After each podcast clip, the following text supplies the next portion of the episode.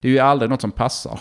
Och det, det, det, det är väl en slutsats också man kan dra liksom att vill man någonting så är det bara att göra det. För att det, det kommer aldrig passa. Det passar aldrig att flytta till Kina, det passar aldrig att flytta till, till USA. Det passar inte att läsa en MBA när man har två småbarn liksom, utan det, det, det är nog något man bara får göra. Varmt välkommen till den här veckans avsnitt som är inspelat i ett soligt Palo Alto i hjärtat av Silicon Valley med Per Sigurdsson som gäst. Det fanns ett tidigt teknikintresse och Per läste elektroteknik i Lund och datavetenskap i Linköping innan han stod där med ett examensbevis i handen. Som student kändes karriär abstrakt, men det var något som lockade med konsultyrket och på den banan är det. Idag är han stationerad i Silicon Valley med titeln VP Sales på J-Way, även om Per själv tycker att han sysslar mer med inspiration än sälj. Längs vägen har han hunnit med att starta flera olika bolag och spenderat några år i Kina. I dagens avsnitt blir det samtal om att vara på resa, både som person och som bolag. Det blir prat om drivkrafter, tur och känslan av att vara den dummaste personen i rummet. Självklart får vi även höra om Pers upplevelser i Silicon Valley, ingenjörskulturen här och hur det kommer sig att just Per är här. Jag heter Per Sigurdsson och det här är mitt liv som ingenjör.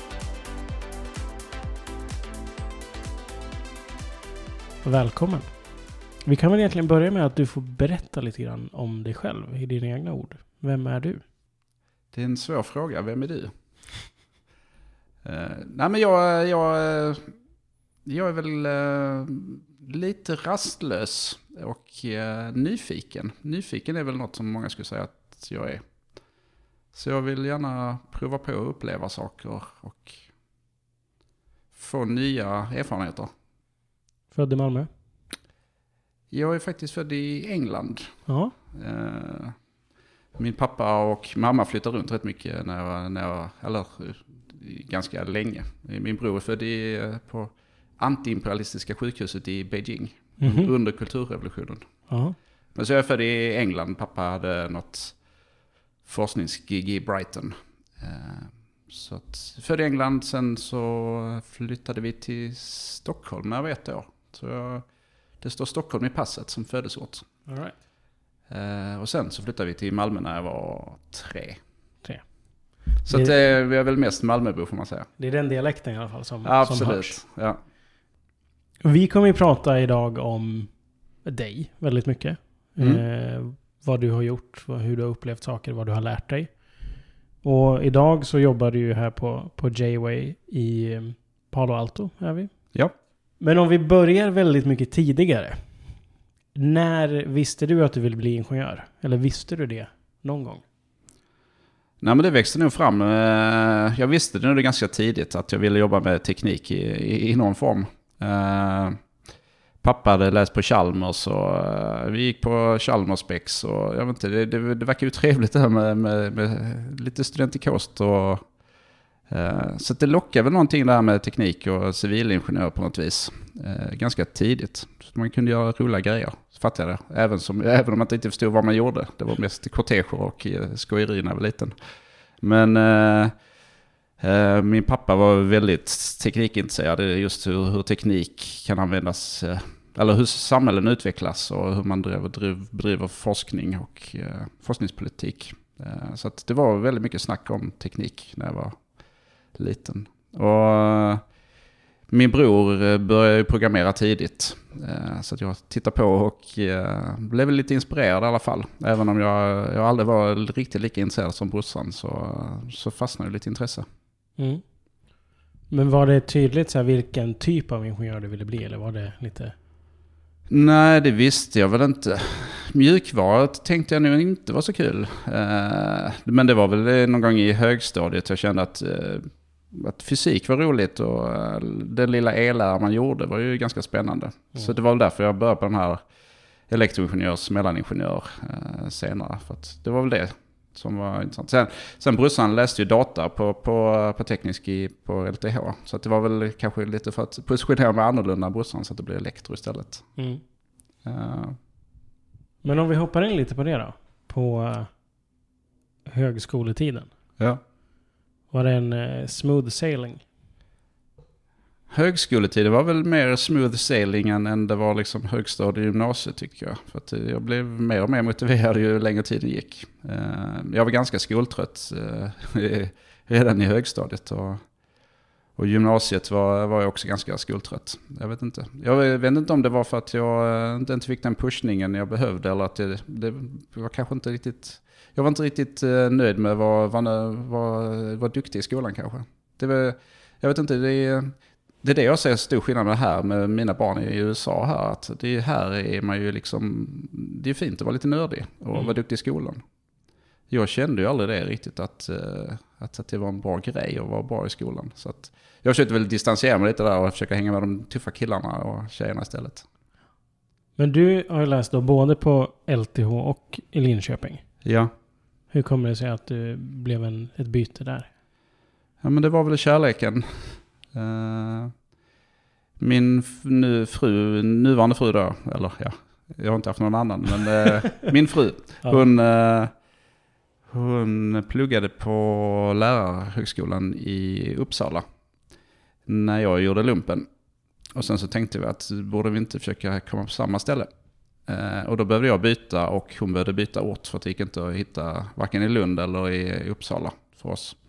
Så då hittade vi Linköping. Så det var lite slumpmässigt, vi hade ingen relation alls till Linköping. Men eh, jag hittade en utbildning jag gillade där eh, och hon kunde byta över till grundskollärarprogrammet där. Mm. Så det var kärleken som drog mig dit. Mm. Men på LTH så pluggade du elektro? Elektroingenjör, ja. Och i Linköping så? Datavetenskap. Datavetenskap. Så då gick det mer mot mjukvara då eller? Ja, det är ju en ren mjukvaruutbildning. Mm. Så det var ju det var ändå rätt gött att ha både, både lite elektro och sen så mjukvara. Sen har jag inte gjort så mycket, det har inte blivit så mycket eh, elektro i, i arbetslivet. Men häromdagen kopplade jag ihop i alla fall en, en, eh, en, en lite dioder till en eh, Alexa-implementation på en Raspberry Pi. Så att jag i alla fall kunde räkna ut vilka motstånd jag skulle ha. Jag vet att jag skulle koppla in dioderna. Så det, lite praktiskt har det satt sig i alla fall. Ja men då har det varit du har använt det till någonting i alla fall. absolut. Det är positivt. Men utöver själva studierna, var du engagerad mycket eller vad ägnade du din tid åt? Under studierna? Mm. Uh, jag bodde inte i något studentboende. Uh, när jag pluggade i Lund så bodde jag faktiskt i egen lägenhet i Malmö. Uh, och sen när vi flyttade till Lidköping flyttade vi ihop. Mm. Jag och min, min fru då. Eh, så, så det var väl lite mindre studentaktiviteter än, än om man... Jag var lite äldre också. Jag hade ju läst, när jag flyttade till Linköping, för då hade jag ju läst två år innan och sen mm. så gjort lumpen. Eh, men jag var med i festeriet eh, ett år. Vilket var spännande på, på många sätt. Det var, har många glada minnen därifrån. Har du något som du vill dela med dig av? Ah, det är väl sådana här mikrominnen liksom. När vi byggde byggde lastbil till eh, studentorkesterfestivalen. Där, där finns mycket. Jag lyssnade på eh, Sambo och Laila av något dansband som kördes om och om igen. Liksom. Jag kommer aldrig glömma den låten. Liksom. För den, varenda dag vi byggde så spelas den om och om igen av någon studentikos-person. Men du har ju också läst en MBA då i Lund. Ja. Jag tänker att vi, vi, vi går in på den snart. Men om vi, om vi stannar upp lite vid den Eh, första gången du pluggade, liksom, både på LTH och i Linköping då. Ja. Tänkte du någonting på karriär då?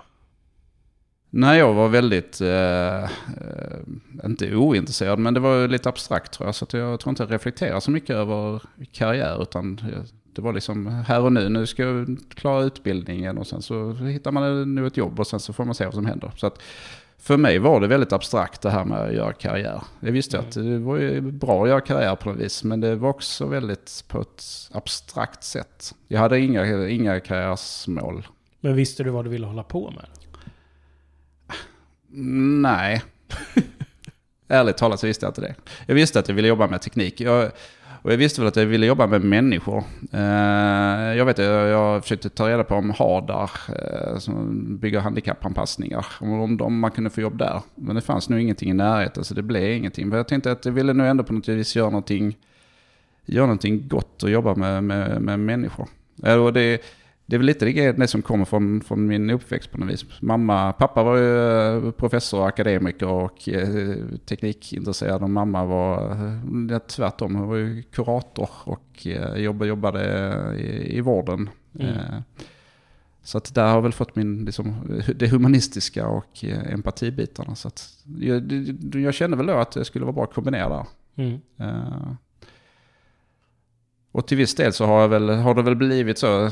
Jag jobbar ju väldigt eh, kundinriktat så att jag får i alla fall människor. Även om jag kanske inte gör lika gott för världen så, så jag får ändå jobba med människor och ja, mänsklig drivkraft och, och lösa problem. Och det är viktigt för dig eller? Jo men det är det ju. Jag tror att teknik för teknikens egen skull är inte, det är inte intressant för mig. Liksom, utan det är mer tillämpa och lösa problem. Hitta utmaningar och få jobba med dem. Det är svårt att prata om, om skolgången utan att prata om betyg tycker jag. Mm. För det är man kan ju ha olika åsikter om det, men det är någonting man får i alla fall. Hur mycket tänkte du på betyg? Nej, eftersom jag inte var så eh, studiemotiverad eh, för, förrän jag kom in på högskolan eh, så tänkte jag inte så mycket på betyg faktiskt. Alla, alla lärare sa till mig att du, du kan göra bättre. Eh, och så sa jag, ja det kanske jag kan, men inte, inte nu. Så det, jag hade väl okej betyg liksom, men det, det, det, var inte, det var inget jag tänkte på. Liksom. Jag kände att, ändå att har jag ändå hyfsade betyg så, så kommer jag nog vidare.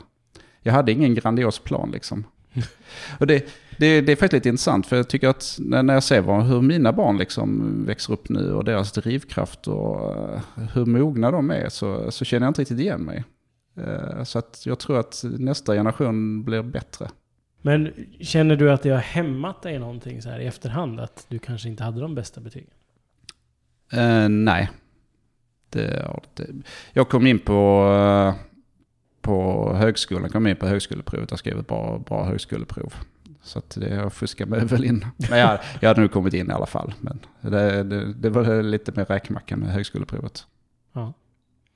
Men om vi då går raskt vidare från studietiden och eh, går in på det som den här podden fokuserar på, nämligen karriär. Mm.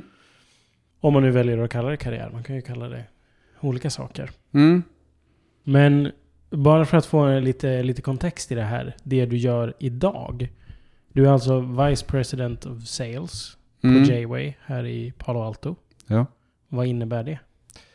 Ja, det är väl kanske delvis missvisande titel. Skulle ju lika gärna kunna vara liksom Chief Inspirational Officer eller något liknande. Eh, för vi vill inte, har inte riktigt en traditionell säljorganisation här.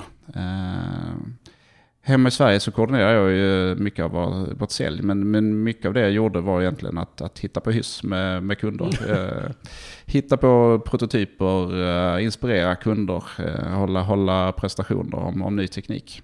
Eh, och det fortsätter jag ju till stor del med här också. Mm. Eh, så det handlar rätt mycket, men det, det, det är ju som, som försäljning är ju på något vis inspiration. Så, att, så det kanske det kanske det jag gör. Jag jobbar med försäljning fast med, jag kallar det inspiration istället. Mm.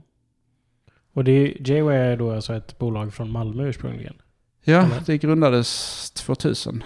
Mm. Och då var tanken med, med Geo att eh, egentligen att vara ett alternativ till de stora etablerade konsultbolagen där man matchade inkommande uppdrag mot det man kallar resurser. Och ibland blev matchningen bra, ibland blev det dåligt. Så tanken var egentligen att verkligen fokusera på kompetens och, och eh, lite grann som från, från boken Good to Great. Att har man rätt besättning med sig så spelar det ingen roll var resan går, man kommer fram på något skönt ställe. Och vi lyckas väl attrahera väldigt mycket duktigt folk. Jag vet inte riktigt hur jag kom in för att eh, jag var inte riktigt lika vass som, som många av de andra. Eh, men jag, var- jag vet inte om jag var anställd 17 eller något liknande. Eh, Mm. Så jag har varit med sen, sen ganska sen början. Hur många är det idag då? Jag skrev det på en slide häromdagen och då tror jag det stod 231. Men det är väl något sånt 240-230. Det har växt lite. Absolut. Men vi har ju svängt rätt mycket också. Så Det, det är väl lite det som kanske har varit intressant. Vi kanske kommer in på det lite senare, men just att det har varit, varit en resa. Jag tror man måste vara på en resa både som, som person och som, som bolag. Eh, för att göra samma sak lång tid, det är inte bra för någon. Men om vi går in på den resan då, helt enkelt. Det behöver inte vara svårare än så. Nej. Om du, om du tar oss på den resan från examen till idag. Ja men absolut. Eh, ja, men när jag pluggar så, eh, så jobbar jag på sommarna. Eh, och då jobbar jag på Sectra Eh, det är väl förkortning för Secure Transmissions. Mm. Men de är väl egentligen två, två olika affärsområden, eller stora affärsområden. Det ena är ju medicinsk bildbehandling och det andra är då Secure Transmissions. Så jag, jag jobbade med att skicka ut data över FM-bandet. Piggybacka på det analoga FM-bandet och skicka ut data med låg, låg hastighet. Eh, så byggde, byggde lite mjukvaror kring det. Eh, och den, när jag jobbade där så, så träffade jag en konsult från Capgemini. Och han, han verkar så, så skön, den killen. För att, eh, han sa det, ja, men jag kom in här och så jobbar jag sex månader och sen så gör jag någonting annat. Eh, och det tyckte jag lät rätt spännande. Så då, eh, då tänkte jag, söker jag, söker jag jobb som konsult när jag blev efter att ha tagit examen. Och jag sökte faktiskt på Capgemini, han rekommenderade mig. Men jag visste att jag ville tillbaka till Malmö, jag ville inte vara kvar i Linköping. Eh, så att jag gick till Capgemini i Malmö. Och de intervjuade mig och skickade mig till någon sån här rekryterare och gjorde massa tester. Och sen så då sa de att, rekryteraren sa till dem att vi tror inte att Per, ni ska anställa Per. För att han verkar så ombytlig så han kommer nog att eh, byta jobb ganska snart. Och det, det är lite ironiskt för nu har jag, nu har jag varit på Geo i 15 år. Men, eh, men eh, jag vet inte. Har, De- du de poäng, har du poängterat för den rekryteraren att den hade fel? Eh, nej, det har jag inte gjort. Jag vet faktiskt inte, jag kommer inte ihåg vem det var ens. Men, eh, men då hamnade jag i alla fall på ett, på ett annat konsultbolag som eh, var Enea. Enea Data. Och de, eh, de hade en liten grupp som jobbar med försäljning av mjukvaror, avancerade ramverk. Eh, bland annat objektdatabaser och eh, grafiska gränssnitt och optimeringsalgoritmer. Så det kom jag in som i ett litet gäng i en hyfsat stor organisation. Och som var väldigt trevligt. Så det var en fantastisk tid. Jag lärde mig jättemycket. Fick mycket ansvar och eh, fick vara ute och presentera eh, våra produkter, pre-sales, eh, konsulta kring våra produkter som vi sålde. Så det var, det var en väldigt dynamisk tid. Mm. Men det, det första jobbet vad, vad var det du faktiskt letade efter? Var det liksom det här med, med konsult, verkar trevligt, jag vill vara i Malmö?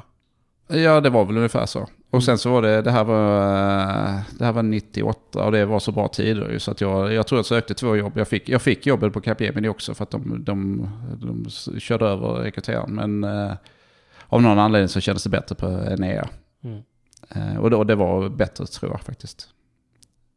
Right. Eh, men jag, jag konsult, Malmö och så, så kör vi och så ser vi vad som händer. Så var det väl. All right.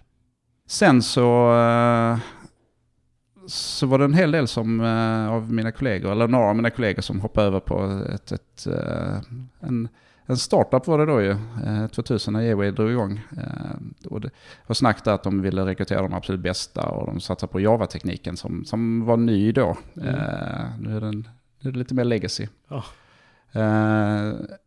Och det, så så det, man blev nog lite nyfiken där. Och sen så omorganiserades det och så skulle det inte satsas på produkter och vi skulle bli mer en traditionell konsultverksamhet på Enea. Så då, då, då träffade jag eh, Thomas Dagsberg på, som är grundare på Gateway och eh, sa att det här kanske kan vara intressant. Eh, och på den vägen blev det. Så jag började på Gateway som eh, konsult inom Java. Och det, fantastiskt duktiga kollegor då. Jag är fantastiskt duktiga kollegor nu också. Men det var, det var en speciell tid liksom. Det var väldigt duktigt folk. Mm.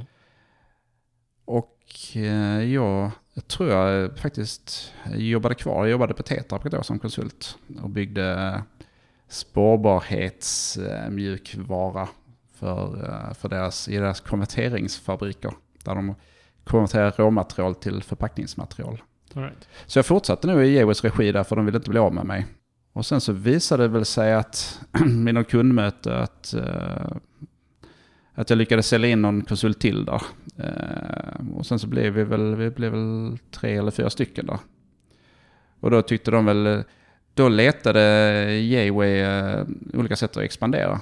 Och då hade man expanderat i till exempel i, i Dotway som 2004 eller 2003 kanske det var. Eh, Som de skulle syssla, istället för Java-teknik skulle de jobba med .NET-teknik. Eh, Och sen så hittade, försökte man hitta andra sätt att eh, att expandera. Och då var- tyckte de att jag hade lite, eh, någon form av affärssinne eftersom jag lyckades sälja in lite konsulter utan att det var min roll egentligen. Så då eh, eh, fick jag erbjudande att starta Testway som var att eh, skulle jobba med test och kvalitetssäkring av mjukvara. Och du fick liksom ansvar för, för hela uppstarten av det då, eller? Ja, eh, det var väl, eh, det, det var väl ändå, man fick ändå lite hjälp ju, men det var ju ändå på egna ben på något vis. De hade träffat en kille som, eh, som hade doktorerat inom, inom kvalitetssäkring av mjukvara. Eh, Så det var min första uppgift var att försöka rekrytera honom och dra igång. Så med ett aktiekapital på, på 100 000 och en spark i baken så, så fick ingenjören försöka bli, bli vd och axla det. Hur gick det då?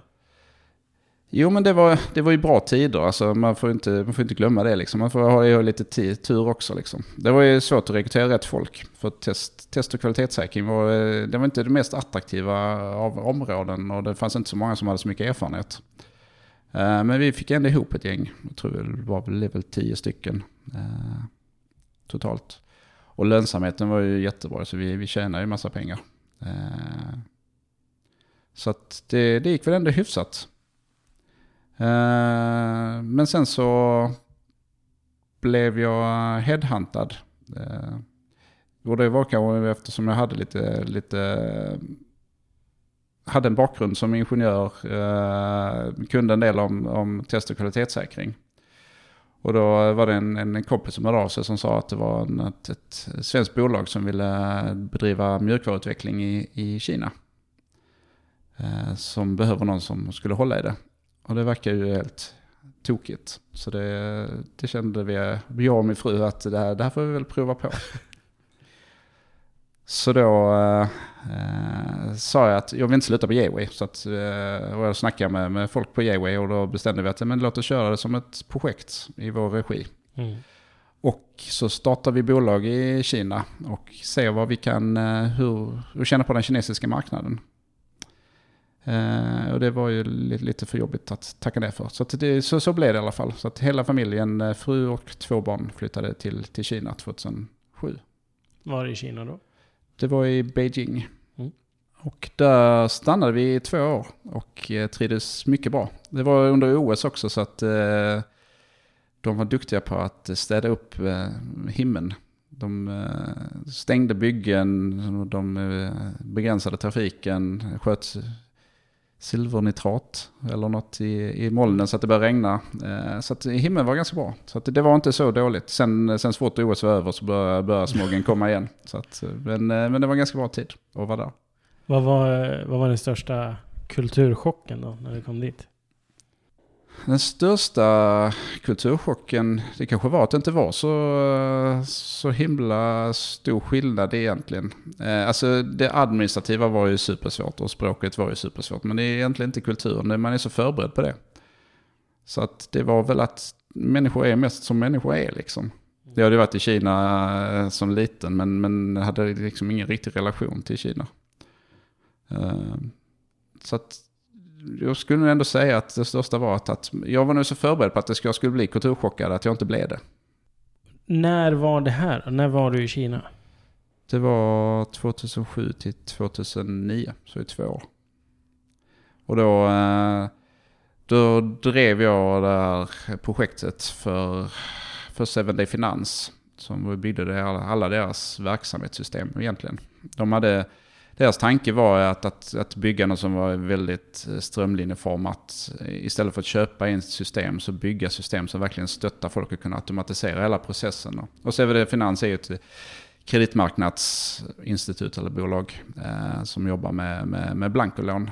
Eh, och eh, det var väl ingen som trodde att vi skulle lyckas överhuvudtaget för att eh, vi skulle bygga alla deras system. Det enda var, som de köpte in egentligen var bokföringssystemet. Så vi byggde, byggde allt som var kundinriktat. Vi byggde hela kundreskontran, in och utbetalningssystem, riskalgoritmer algoritmer och allting. Så att från det vi startade eh, till det att vi hade första kunderna som kom in så gick det fem månader. Mm. Så det var verkligen den här startup-känslan. Och när, när vi tog in de första kunderna och betalade ut pengar till dem så hade vi inte byggt färdigt modulen att kunna fakturera. Så vi kunde inte få in pengar. Men då hade, då hade vi ju två månader på oss liksom att bygga det. Mm. Eh, så det var verkligen eh, det här. Vi, vi byggde precis det som behövdes. Eh, Men hur var det då, att, tro, att, att veta att det finns folk som tror att vi kommer inte lyckas med det här? Ja, men det, man behöver inte bry sig så mycket om det där. Jag hade ju inte investerat hela, hela min förmögenhet i, i, i den här, i 7 Finans ju. Hade jag gjort det så kanske jag hade varit mer, eh, mer tveksam till det hela. Mm. Nu visste jag att eh, jag kan bara göra mitt bästa liksom. Så då, och, och exekvera så gott jag kan. Eh, men det gick ju bra ju. Mm. Så att jag, jag tänkte ju inte på att vi skulle misslyckas eller sånt. Att det inte gick liksom. Det, det blev nog lite, lite sporrande liksom att säga det. Hur, hur ska ni klara detta? sa folk liksom. Ja, du får se. Nej men så det var ju, det var ju väldigt skönt att lyckas med det. Mm. Eh, och sen drev vi några andra projekt där i, i Kina. Eh, men sen så bestämde vi oss för eh, gemensamt, jag var väl inte den som var mest för det, men att vi skulle inte köra vidare i Kina. För det, risken skulle bli att det blev lite för mycket offshoring-känsla, liksom att vi skulle ha billiga kineser att eh, jobba Mm. i projekt mot Sverige. För vi har ju alltid fokuserat på hög kompetens och jobba nära kunder. Eh, Så, att, så att det blev lite skevt där. Jag hade nog gärna stannat ett tag till liksom. Men så här efterhand så var det jättebra att flytta hem där efter, efter två år. Mm. Då flyttade ni hem till Sverige eller? Då flyttade vi hem till, till Sverige. Jag, jag kom ju hem ganska så bra eh, kan jag väl säga. Eh, för att vi, vi drev, drev ett hyfsat stort projekt mot, eh, mot Sony. Eller Sony Ericsson var det på den tiden. Och där behövde vi styra upp det. Och eftersom jag hade ju gjort väl ifrån mig mm, att och driva det här projektet i Kina så, så, så veckopendlade jag faktiskt från, från Kina. Inte riktigt veckopendla men jag tror jag åkte hem fem, fem gånger eller något liknande på kort tid. Mm. För att titta till projektet. Eh, Så när jag kom hem så var det full fart in i det här projektet. Eh, Och det var jättekul också. Det var ett, ett spännande projekt. eh, Där vi hade hårdvara som utvecklades i, av en tredjepart. Och sen så var det en kinesisk leverantör som byggde en JVM. Och sen så hade vi ett team i USA som byggde mjukvaran som vi skulle bygga vår mjukvara på. Så att det, det, var, det var många förvirrade telefonkonferenser med, med mycket folk på konstiga, konstiga tider. Det låter lite rörigt. Det var mycket rörigt. Eh, Men det är intressant. Men eh, man läser rätt mycket av det röriga också. Om man, om man överlever det röriga. Så just det här med hur viktigt det är att kunna kommunicera och, och, och vara tydlig. Mm. Eh, För att i sådana här otydliga situationer så blir det superviktigt att kunna vara tydlig och, och konkret. Var i tiden är vi nu? Nu är vi nog 2009 på eh, hösten. På hösten. Och då har vi bränt förbi din MBA. Då brände vi förbi den ja. För den gjorde jag ju samtidigt som jag eh, jobbade med på Testway. Men om vi, om vi bara går tillbaka till den lite snabbt då. Var, varför valde du att läsa en MBA? Det var väl eh, en av grundarna till Gateway som tyckte att eh, det var bra med lite, att få lite mer kött på benen vad det gäller liksom ledarskap, ekonomi. Som sa att det kanske du borde fundera på och läsa en MBA. Så det, det var också eh, lite kul. Så det var svårt att säga nej till. Eh, så det sa jag, ja men det gör jag jättegärna. Så det var ett eh, 18 månaders eh, internatbaserat eh, program Mm. på, på Lunds universitet eller Ekonomihögskolan. Alright. På EFL. Vad känner du att det har gett dig så här i efterhand? Jag tror att de här programmen har ändrats lite grann för att det kändes lite amerikanskt. Kommer jag ihåg jag upptäckte då liksom. Att det var, eh, man läste Kotlers marknadsföring och det, det kändes lite för traditionellt. Jag tror att nu har man nu gjort det lite mer att jobba mer med kring agilitet och hur, hur bygger man bolag som är förändringsbenägna mer än, än, än mer traditionell. Men det, det som har gett mig absolut mest är ju självkännedom. Eh, man fick skriva ett mycket reflekterande uppsatser om, om sig själv och sitt ledarskap. Mm. Eh, och vem man är. Och vi gjorde mycket sådana personlighetstester, Mario Briggs och så vidare. Eh, och just det här med att reflektera över sin situation och sig själv var väldigt värdefullt. Så det är väl, alltså det var ju bra utbildning i allmänhet liksom. Och jag fick ju, kan ju fortfarande läsa en eh, resultaträkning om det skulle behövas och, och så vidare. Eh, Ja. Men, men just självinsikt var väl det som, som den stora behållningen så här många år efteråt. Ja, det var ett, ett litet sidospår där. Men om vi hoppar tillbaka till, till J-Way då. Ja, Vad sa vi? Hösten 2009? jag tror det var då. Och då, eh, jag tror att, eh, nu, nu är det ju ändå några år sedan så jag, jag vet inte riktigt eh, om det stämmer. Men jag tror att det var då att det började gå lite knackigt för oss. Vi hade väl expanderat mycket och hade många, många sådana här way-bolag. Och vi var väl inte sådär superduktiga på att sälja till kunder. Vi var, var väl fortfarande duktiga tekniker och hade duktigt folk. Men vi var väl inte så duktiga på att sälja. Så att då, eh, då kraftsamlade vi rätt mycket och ett säljet. Att, att de som inte satt i uppdrag och, och jobbade som ingenjör fick jobba med sälj. Och då kom jag nog in och började koordinera det här på något vis.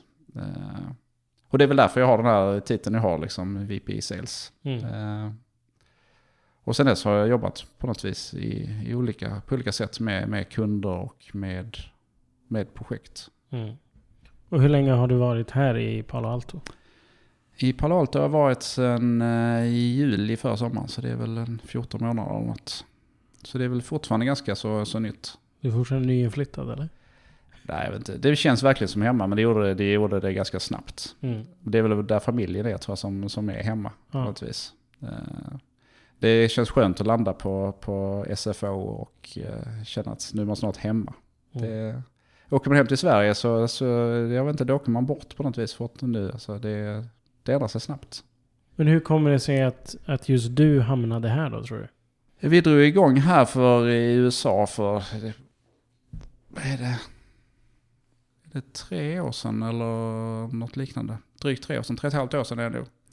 Och då fick vi en förfrågan av Sony faktiskt, att eh, de hade behövt hjälp på, mm, här i, på deras kontor i Silicon Valley. Och då eh, var det, mm, var, han som är studieled här, Niklas Jönsson, han, han fick en fråga eh, om, om inte han hade någon som ville komma över. Och vi har alltid haft aspirationer att, att göra saker i utlandet. Vi har hittat på rätt mycket hus. Vi har haft ett enmanskontor i, eh, i Sofia Antipoli. Och sen har vi haft ett kontor i, i Kuala Lumpur också. Eh, Det var inte våra mest lyckade grejer. Då är, då är, Palo Alto mer lyckat. Ja, det är bra. Eh, nej, och så vi smög igång det. Vi skickade över två, två glada människor som, som ville, eh, ville jobba utomlands. Och, och sen så skickade vi över någon till och skickade över någon till och någon kom tillbaks. Och, eh, och sen så för, det är väl drygt två år sedan då, så flyttade eh, Niklas över hit. Eh, för att ta liksom en, en studielid-roll på kontoret här. Och sen så upptäckte vi att det går ganska bra att göra affärer här ju. Men vi var lite konsulttunga. Så då, då var, föreslog jag att, att det vore bra att, att, att jag flyttade över och som var lite mer lösningsinriktad. Alltså mer projekt och åtaganden än, Mm. än konsult eh, inriktad. Och det tyckte väl folk där hemma att det var, det var, det var en bra idé. Så det är det som är egentligen min roll här, liksom att hitta projekt och åtaganden för att kunna leverera härifrån till, med hjälp av vår, vår organisation i, i Köpenhamn och, och Sverige. Mm.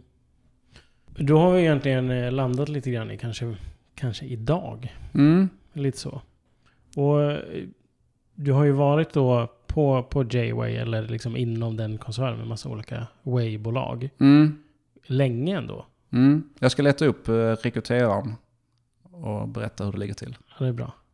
Men vad är det som har fått dig att stanna kvar? Liksom? Vad, vad är det som har varit så rätt med J-Way för dig? Nej men det är väl den här att vi har varit på en resa. Eh, vi började ju som någon sorts eh, Java-specialistkonsulter och nu, eh, nu sätter vi ihop hela åtaganden, jobbar med design thinking, tidiga faser, konceptutveckling och, och hjälper våra kunder med deras produktutveckling.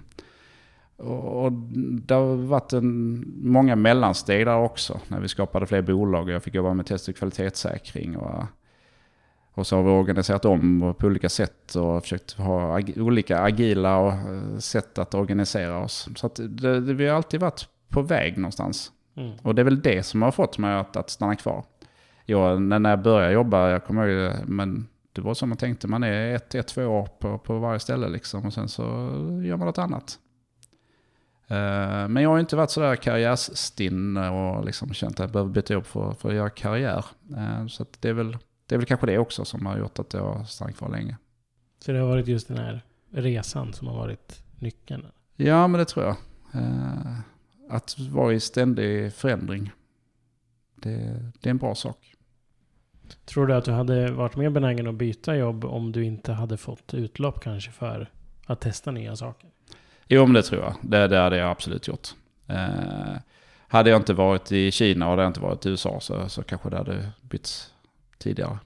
För det, det har ju varit... Det, det har ju varit superbra både personligen och, och även eh, för karriären skulle jag vilja säga. Att, att för, för, den, för den erfarenheten jag har fått.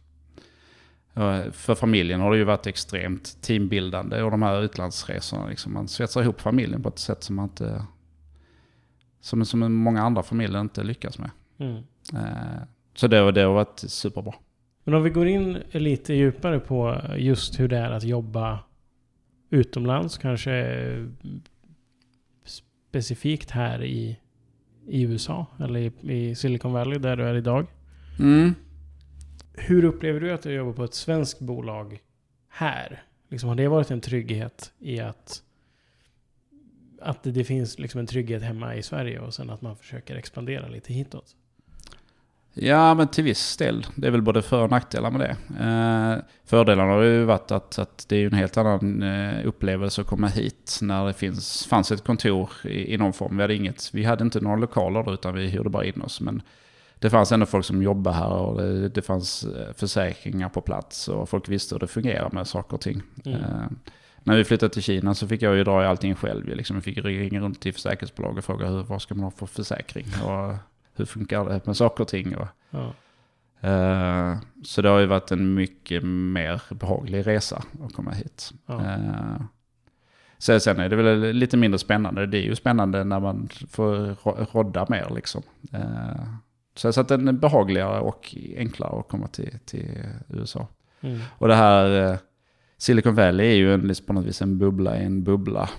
Så att det, det är ju ganska lätt att så länge man har pengar så är det ganska lätt att känna sig eh, hemma här. Finns det någon märkbar skillnad i ingenjörskultur? Om vi jämför till exempel om vi säger Sverige och ja, Silicon Valley? Då?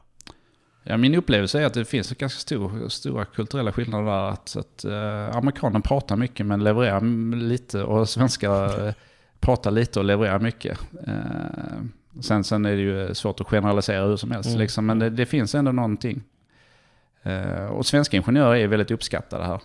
Eh, säger man att man är svensk så, så, så nickar folk liksom lite, ja, lite sådär glatt. Eh, så att svenskar har, har ett gott rykte i allmänhet. Och just nu när vi jobbar med, med design och teknik så kan vi ju prata Scandinavian design och, och sen svenska ingenjörer som, som levererar på det. Mm. Så för oss är det, ju, är det jättebra. Men sen det, det, det, finns ju positiva saker med eh, här i USA också. Eh, just att, just att folk är så villiga att dela med sig. Eh, min upplevelse i Sverige är att det är många som, som håller på saker just för att man inte... Man tror att det är någon konkurrensfördel att, att man vet mer än andra. Men det är väldigt mycket öppen kultur just i Silicon Valley tror jag det är, det är extremt. Mm. Att man delar med sig och man bjuder på kontakter. Och konkurrensfördelen är egentligen att, att man exekverar snabbare än andra. Så att det inte är att man vet mer utan det är att man är, är snabbare. Mm. Och den öppenheten, den här pay it forward eh, mentaliteten är ju väldigt påtaglig. Och det är väl det som är en av liksom, det finns ju många faktorer varför Silicon Valley är framgångsrikt. Men det, det är ju en, det är, jag personligen tror jag det är en stor del. Mm. Sen är det ju ett visst kapital och bra universitet och, och så vidare. Ja. Men det det, är en, eh, det är en kultur som gör att det är lätt att hitta rätt människor att prata med. Är det vad du förväntade dig när du skulle flytta hit? Eh, det är det väl delvis. Jag hade ju åkt hit ett antal gånger innan ju. Så att jag, jag hade ju träffat kunder och eh, samarbetspartners. Så att eh, jag hade nog nu ändå hyfsad koll på det. Men, men eh, jag blir fortfarande idag liksom förvånad. Så att jag, jag var nog inte riktigt förberedd på det. Men, men en annan sak som jag har tänkt på liksom, det, det här med, med skillnader. Alla tror jag amerikaner är så duktiga på att prata och alla är extroverta. Jag tror inte jag har hittat någon samling med så introverta människor som jag har liksom stött på här i Silicon Valley. Men det är kanske också att det är, det är, det är ingenjörer som, som, som kanske är lite mer introverta. Mm. Eh, för att den här myten att alla amerikaner är duktiga på och gillar att stå och prata inför folk. Det, den, har jag, den har jag tagit hål på. Ja, nej det är väl eh, återigen farligt det här med att generalisera. Ja, För man kommer alltid hitta Ja. undantag. de som är duktiga på att prata är väldigt duktiga på att prata. Ni som jobbar här då, på, på ert kontor på J-Way här i Palo Alto. Vilka roller finns här? Det är vi ganska ingenjörstunga ju. Eh, så att det är vi ju två stycken som inte jobbar med att sk- skriva produktionskod eller jobbar ute i projekt. Nu är ju faktiskt Niklas ute och projektleder ett av våra projekt som vi kör på, på Walmart. Eh, så att, så att det är väl bara jag som inte... Ja, jag, jag har faktiskt kodat det då också. Så att, så att vi fuskar nu lite grann i alla fall. Men, men vi är väldigt ingenjörstunga här. Eh, Så de flesta är ingenjörer. Sen har vi en, en, en design lead som, som håller ihop mycket av designarbetet med hjälp av svenska, svenska designers. Mm. Både, både UX och UI-designers. Eh, när vi har större åtaganden och projekt. Hur seniora är de som kommer hit då, från Sverige? Alltså det är ju, de flesta är ju superseniora. Och vi har ju... Det är väl lite slump och eh, val att vi har tagit över de som är seniora. För att vi vill ju över de som är seniora för att kunna öppna nya kunder och verkligen kunna leverera. För att vi är ju, vi är ju ganska små om man jämför med andra bolag här och vi är inte Mm. superkända. Eh, så vi har ju fått över väldigt duktigt folk, vilket är kul. Är tanken att fortsätta expandera här? Eh, vi diskuterar väl lite grann strategi eh, internt i, i gruppen om, det, om det ska, hur vi ska göra. Om, om vi mer ska serva de svenska eller skandinaviska studierna eller om vi ska eh, expandera på våra egna ben här. Så det är väl, vi får väl se var, var det landar. Om vi då försöker kolla tillbaka på allting du har gjort. Från, säga, från att du började plugga till idag. Mm.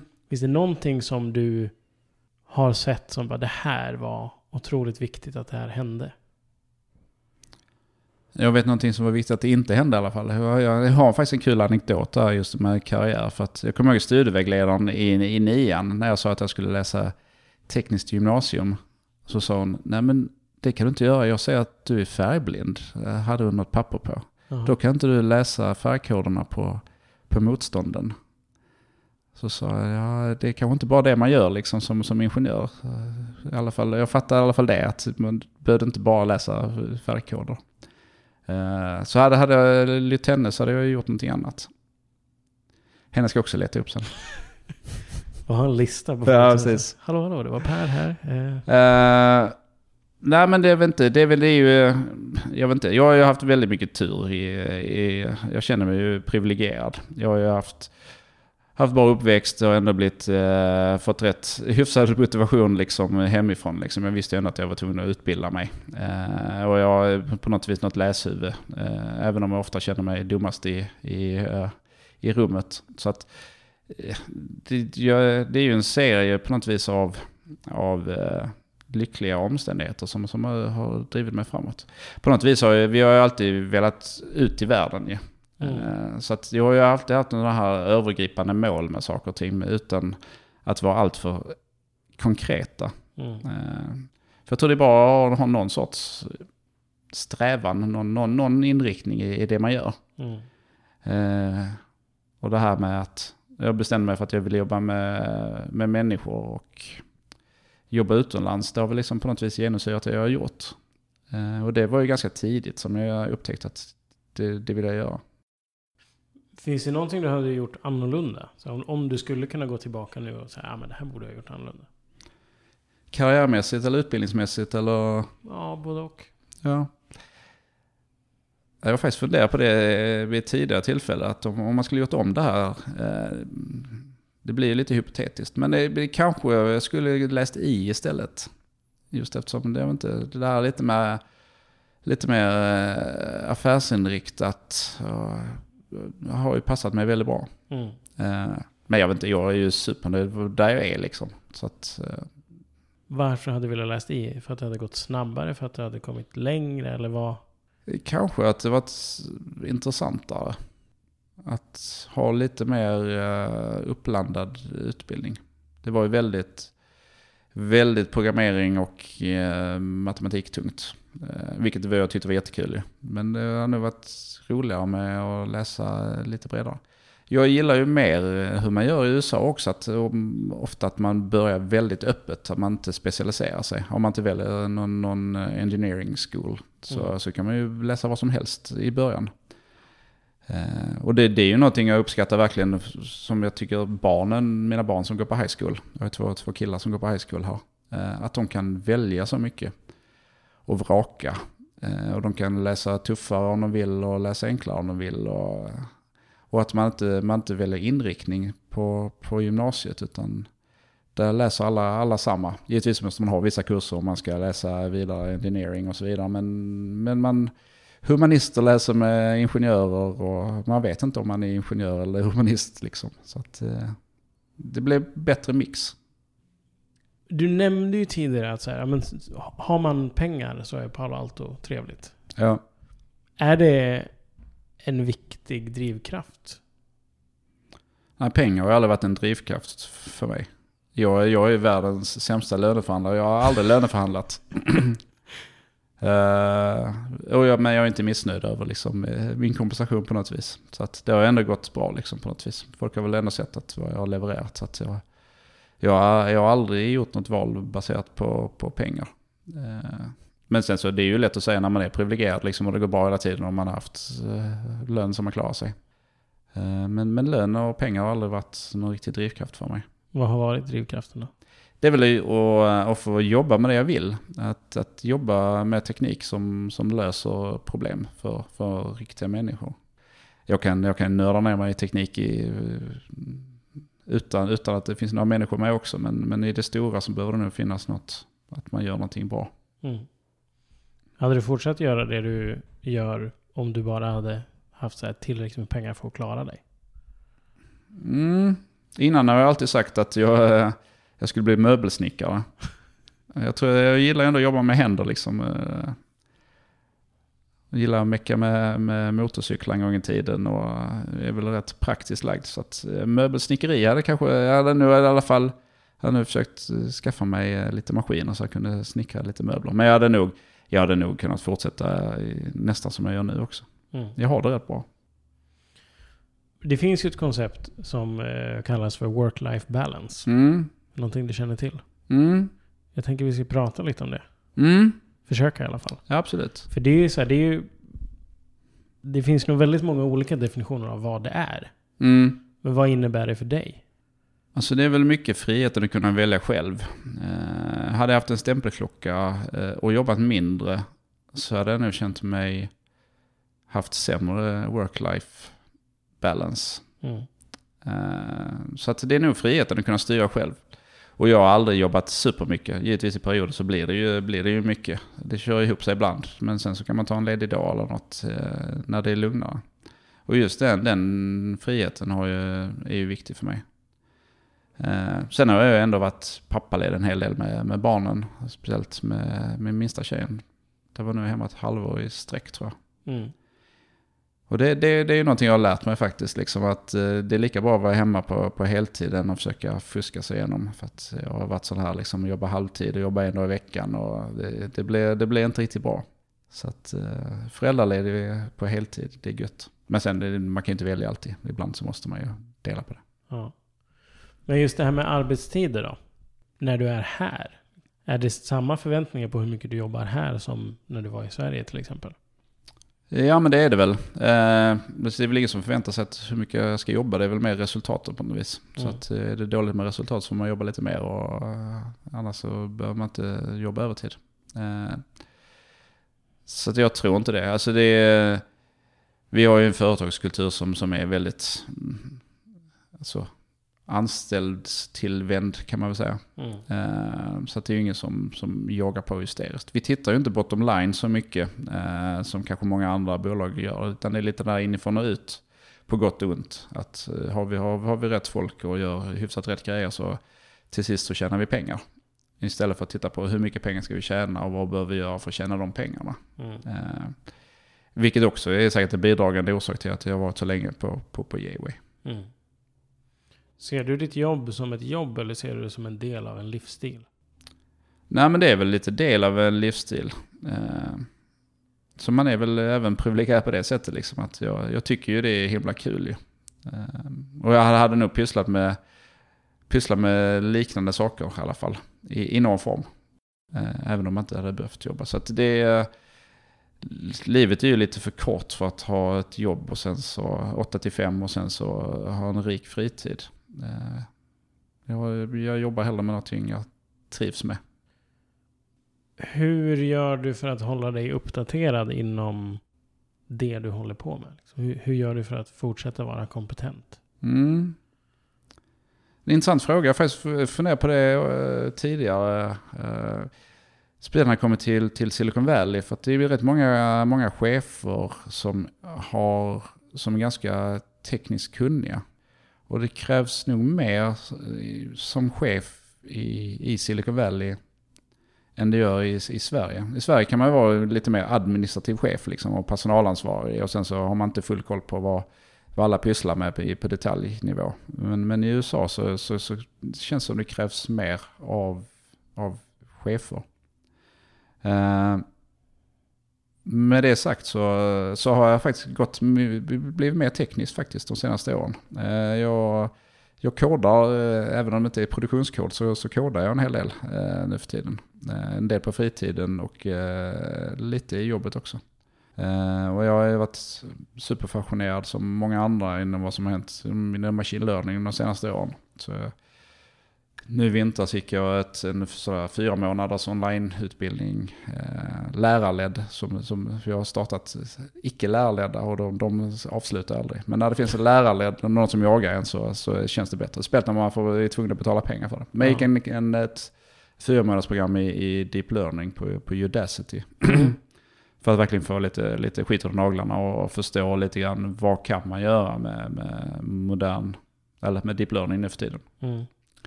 Ehm, Så att jag pillar rätt mycket med grejer. Jag bygger mycket prototyper och eh, experimenterar. Ja. Jag tänker att vi ska gå på de här avslutande frågorna. Mm. Eh, så du får väl svara så eh, kort eller långt du vill. Eh, och den här första, i början så trodde jag att ja, men vi börjar med en enkel. Men det Mm. är väldigt många som tycker att den är lite knivig. Men Ja. ditt bästa minne från högskoletiden? Förutom att snickra till eh, Sambo Laila där på eh, studentorkesterfestivalen. Mm. Mm. Eh, ja, men jag, jag läste en, en kul kurs. Eh, jag läste eh, abstrakt algebra. Eh, som var en av de mest utmanande och roliga kurserna. Med en fantastiskt eh, speciell lärare också i Lidköping. Så det, den kommer jag ihåg än idag. Jag kommer inte ihåg så mycket av den abstrakta algebran, men jag kommer ihåg känslan av att sitta där och vrida på saker. Mm. Kroppar och ringar och vad det var. Mm. Om pengar inte vore en faktor, vad skulle du göra då? Är det möbelsnickeriet då? Jag eh, har ju, eh, det är faktiskt lite intressant liksom på något vis. Eh, jag, min fru och jag kollade på, eh, på ett, ett, ett dokument som vi hade skannat in. Eh, där vi för 10-8 år sedan och sånt skrev upp lite, vad har vi för mål med livet? Eh, och vi har väl liksom ändå bockat av mycket av det.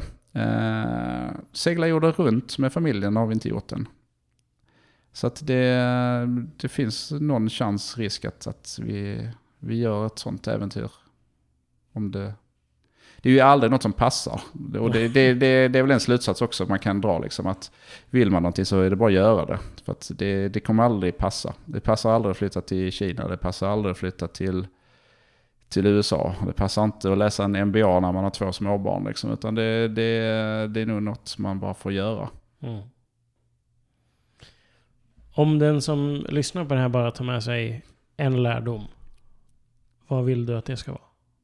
Det, man, eh, det, det jag eh, skulle vilja ha hört tror jag när jag, när jag var yngre.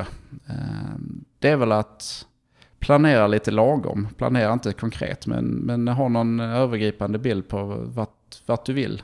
Eh, ta chanser. Eh, fega inte. Och omge dig med intelligenta människor. Det är en skön känsla att vara dummast i rummet. Du har nu lyssnat på det första avsnittet av Mitt liv som ingenjör i Silicon Valley. Vad tyckte du? Dela gärna med dig av dina tankar till oss på Instagram, Facebook eller LinkedIn. Kanske har vi gjort oss förtjänta av en rating på iTunes eller Spotify. Veckorna framöver kommer fler avsnitt med svenska ingenjörer i Silicon Valley att publiceras, så håll utkik om du är nyfiken.